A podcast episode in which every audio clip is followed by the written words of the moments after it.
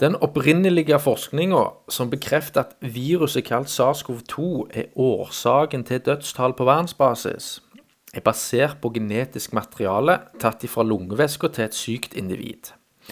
Og Individet var en 41 år gammel mann som jobba på det lokale sjømatmarkedet i Wuhan i Kina. Som i desember 2019 ble lagt inn på sykehus med symptomer på feber, svimmelhet og hoste. Og siden antibiotika ikke ga positiv effekt på pasientens eh, tilstand, så ble virus definert som rotårsaken til sykdomsforløpet. Og Det ble i denne forbindelse tatt vevsprøve av pasientens lungevæske, som besto av hele 56,5 millioner med individuelle, korte RNA-sekvenser, som enkelt sagt er genetisk materiale bestående av tallkoder som gjør det mulig å identifisere hva, type celle eller organisme han observerer og har med å gjøre. Og I dette tilfellet så var det forutatt at det måtte være et virus. Videre så ble disse 56,5 millionene av individuelle korte tallkoder putta inn i to forskjellige datamaskiner for analysering. Og det som skjer, er at datamaskinen den analyserer prøven av lungevæske og sammenligner den opp mot en database eller et bibliotek hvor alle kjente tallkoder for såkalte virus er lagra. Så datamaskinen den prøver å putte sammen disse tallkodene som et puslespill. Og det resulterte i at datamaskinene til sammen da genererte fram et resultat på 1,7 millioner med ulike løsninger på puslespillet. Av alle disse alternativene så valgte forskerne den lengste tallkoden de fant.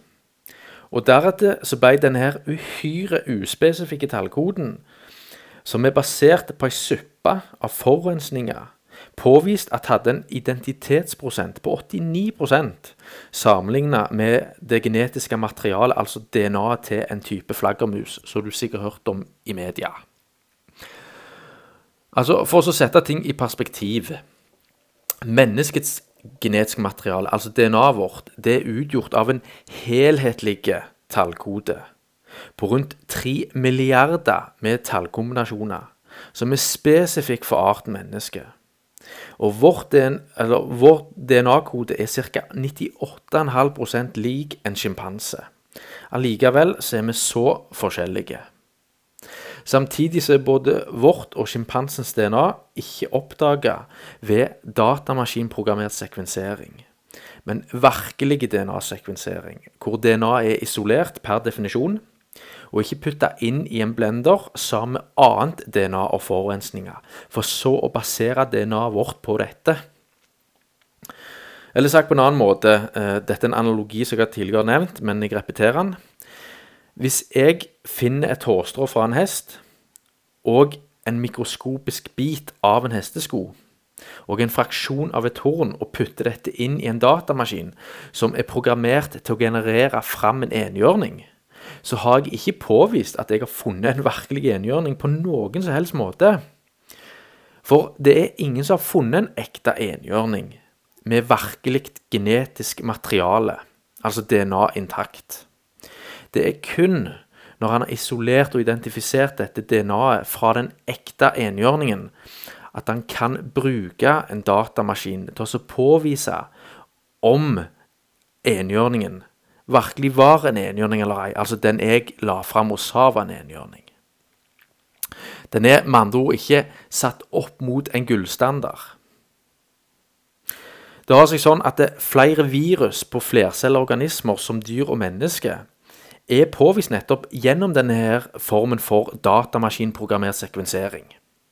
Og de aktuelle sekvensene, altså tallkodene som skal definere en type virus, vil da òg gå igjen hos andre virustyper. Dette misviser forskning til å ta en vitenskapelig konklusjon på at f.eks. covid-19 må være menneskeskapt, siden tallkoder på f.eks. hiv og ebola er påvist i det genetiske materialet, altså DNA til covid-19-viruset, kalt SARS-CoV-2. Så all forskning som baseres på dette opprinnelige utgangspunktet, vil bli villeda. For det er i utgangspunktet feilaktig.